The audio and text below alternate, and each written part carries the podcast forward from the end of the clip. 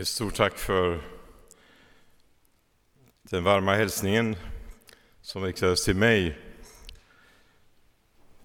För lite mer än tre år sedan så funderade Ulla och jag på hur vi skulle ha det med framtiden, var vi skulle bosätta oss och fortsätta vårt liv. Så kom en förfrågan att komma hit till Linköping att jag skulle gå in i en tjänst för ett år som omsorgspastor på halvtid. Och eh, jag upplevde tydligt Guds ledning i det här och kände en sån tacksamhet. För som jag sa någon gång i sammanhang så sedan många år har jag haft en särskild kärlek till den här församlingen och ofta ute i Afrika så bad jag för våra underhållsförsamlingar och bad mycket för Linköping som vi också hade starka band till. Dessutom är det Ullas hemstad så vi ser Guds ledning i att vi kom hit. Anade aldrig att det skulle bli en så lång tid som nästan tre års tjänstgöring här. Och det har varit mycket som har hänt de här åren, men jag känner väldigt tacksamhet, en ödmjuk tacksamhet att jag fått vara med.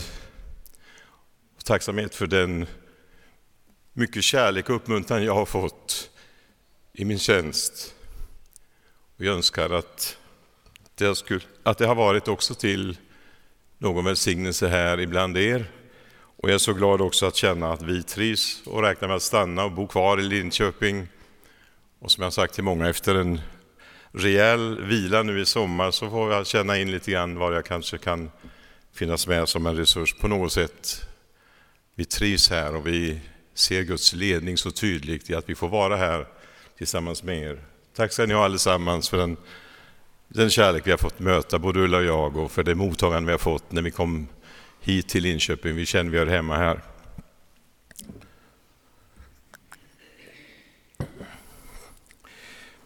Jag skulle vilja läsa en text på några verser från Johannes 7. Johannes evangelium kapitel 7, vers 37 till 39. På högtidens sista och största dag ställde sig Jesus och ropade Är någon törstig, så kom till mig och drick. Den som tror på mig, ur hans inre skall flyta strömmar av levande vatten, som skriften säger. Detta sade han om anden som de som trodde på honom skulle få. Ty ännu hade anden inte kommit, eftersom Jesus ännu inte hade blivit förhärligad.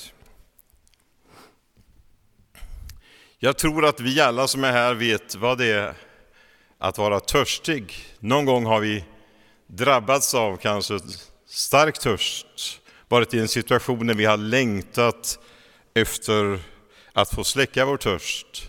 Jag skulle kunna berätta många exempel ur mitt ganska långa liv nu när jag varit med om att vara törstig och hur underbart det kändes att få släcka sin törst.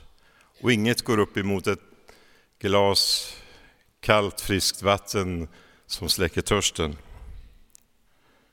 Jag skulle vilja tala om och använda rubriken När törsten möter källan. Och eh, den text vi läste här är ju kort i sitt sammanhang, i ett större sammanhang som präglas av att det var fest och högtid i Jerusalem. Det var en glädjens fest man firade lövhyddohögtid till minnet av Herrens underbara hjälp under Israels ökenvandring. Varje dag skulle prästerna hämta vatten från den närbelägna dammen i Siloam. Vattnet som hämtades utgöts sedan på brännoffersaltaret i de speciella skålar som var avsedda för detta. Och nu var man framme vid den sjunde och sista dagen. Prästerna hämtade vatten från dammen i en gyllene kanna när processionen återvände till templet stötte man i jubeltrumpeter och prästerna gick med vattnet runt altaret, inte bara en gång utan sju gånger. Och detta skedde under hänvisning till bland annat texten hos Jesaja, där det står jublande skall ni ösa vatten ur räddningens källor. Och eh, hos profeten Sakarja finns orden som också fanns med i människors tankar. Den dagen skall en källa rinna upp som renar Davids ett och Jerusalems invånare från synd och orenhet. Mitt i den här situationen, i denna stora festlighet, så kommer Jesus och finns där. Han hade inte kommit med detsamma, var inte med från början trots att hans bröder försökte mana på honom. Men han kom ungefär i halvtid in i och fanns med diskret, som iakttagare kanske mer och fanns med i högtiden. Men här den sista dagen träder han fram och han kallar på folkets uppmärksamhet och han ropar ut där det är ett myller av människor, så ropar han ut de här orden. Är någon törstig, så kom till mig och drick. Är någon törstig, så kom till mig och drick. Det fanns en törst, insåg Jesus. Det fanns på Jesu tid många som trots det rika kultlivet och de många gudstjänsterna ändå törstade efter någonting mer. De judiska gudstjänsterna med dess många ceremonier kunde inte släcka denna törst. Det fanns en glädje och feststämning, ja, men för många var det något som skedde bara på ytan. Och man förstod inte den verkliga innebörden i dessa handlingar. Det är viktigt också idag, mina vänner, att våra gudstjänster inte blir alltför rituella och förutsägbara, utan vi längtar efter levande gudstjänster där vi verkligen upplever Herrens närvaro. Vilka underbara möjligheter ger det inte när Herren Jesus är med i högtiden? Vad det än gäller, i familjen, i hemmet, i olika sammanhang där vi firar högtid. Tänk att få vara medveten om, här finns Jesus med, han är mitt ibland oss, hans närvaro präglar, präglar vår gemenskap. Jesus står här i Jerusalem med ett viktigt budskap till den, dem som känner andlig tomhet och längtar efter att få släcka sin törst. Jag gör det inte symboliskt nu, utan jag har lite ett torr i min hals ibland. Även idag är det många människor som bär på en törst. Det handlar om en stark längtan efter att få uppleva mening med livet, en tillfredsställelse för sina behov. Och man drivs av den här törsten på så många olika sätt till olika, vi skulle kunna kalla det olika brunnar. Och det är inte alltid som man finner det som man hoppas på, det vet vi om.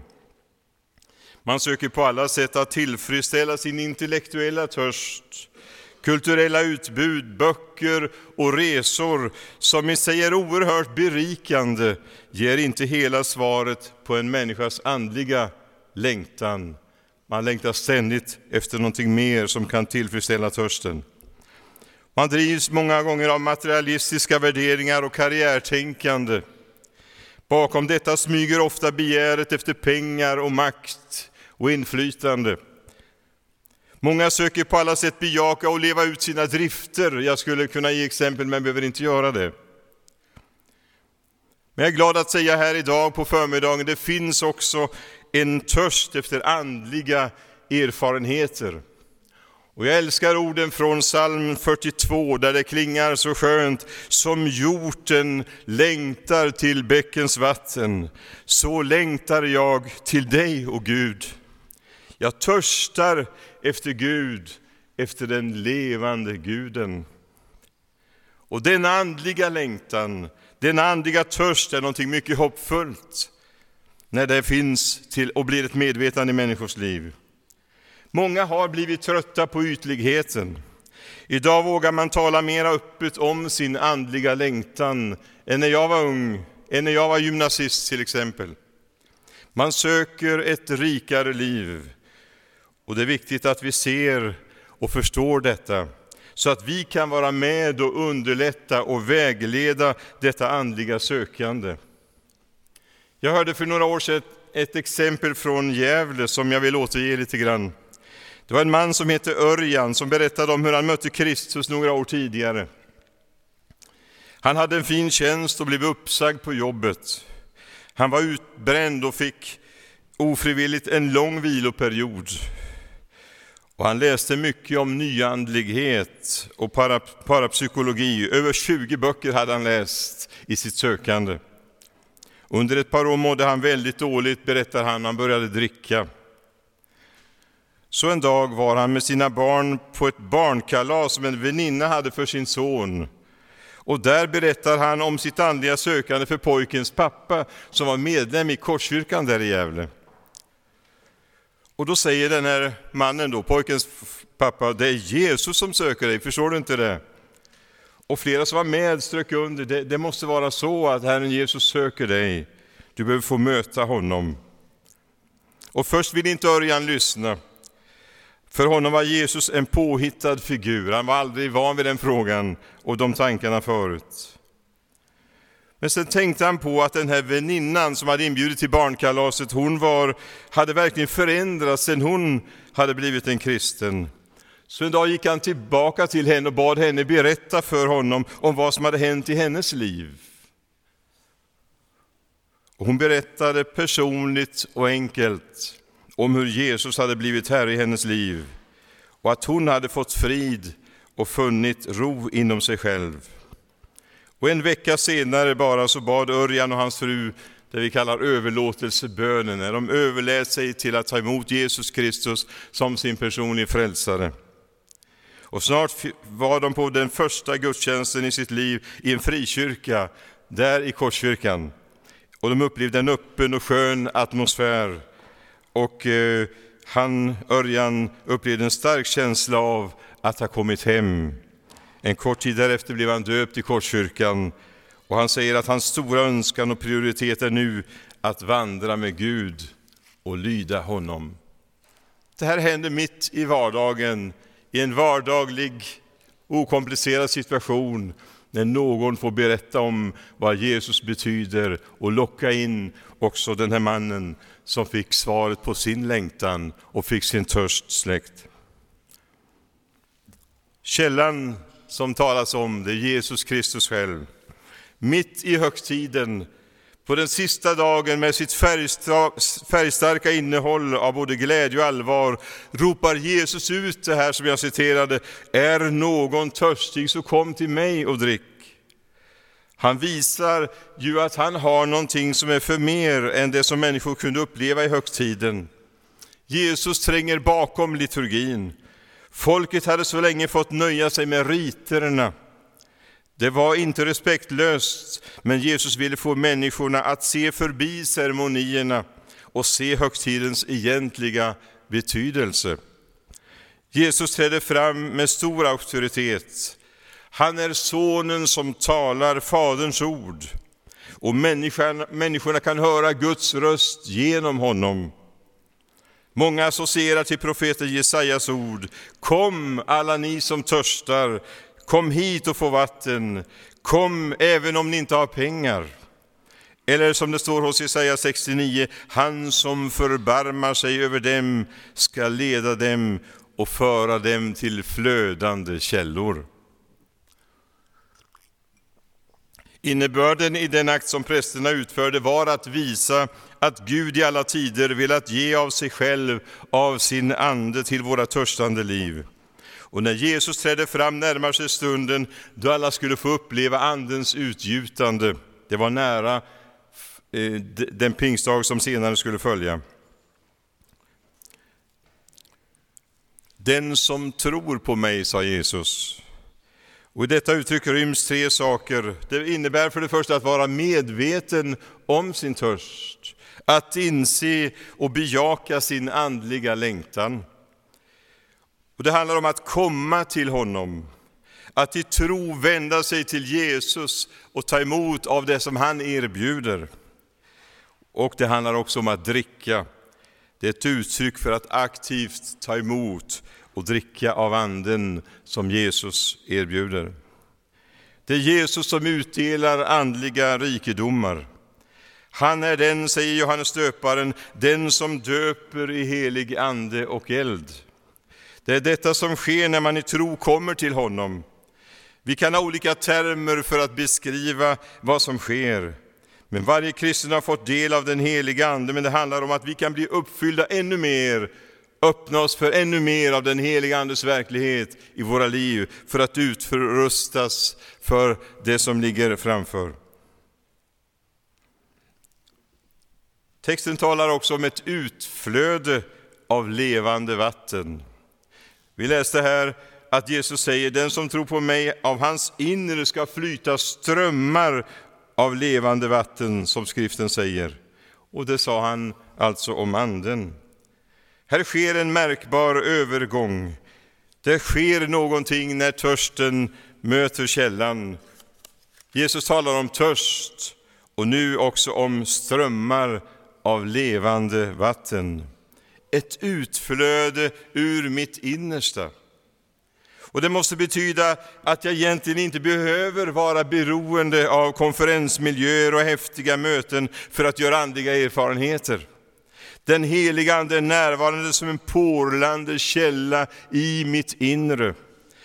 När jag var ung pastor sjöng jag ofta en sång av Sören Jansson där det stod i kören Jag vill vara där elden brinner, där anden faller och undersker. Jag vill leva i strömmen som flödar av välsignelser Gud oss ger.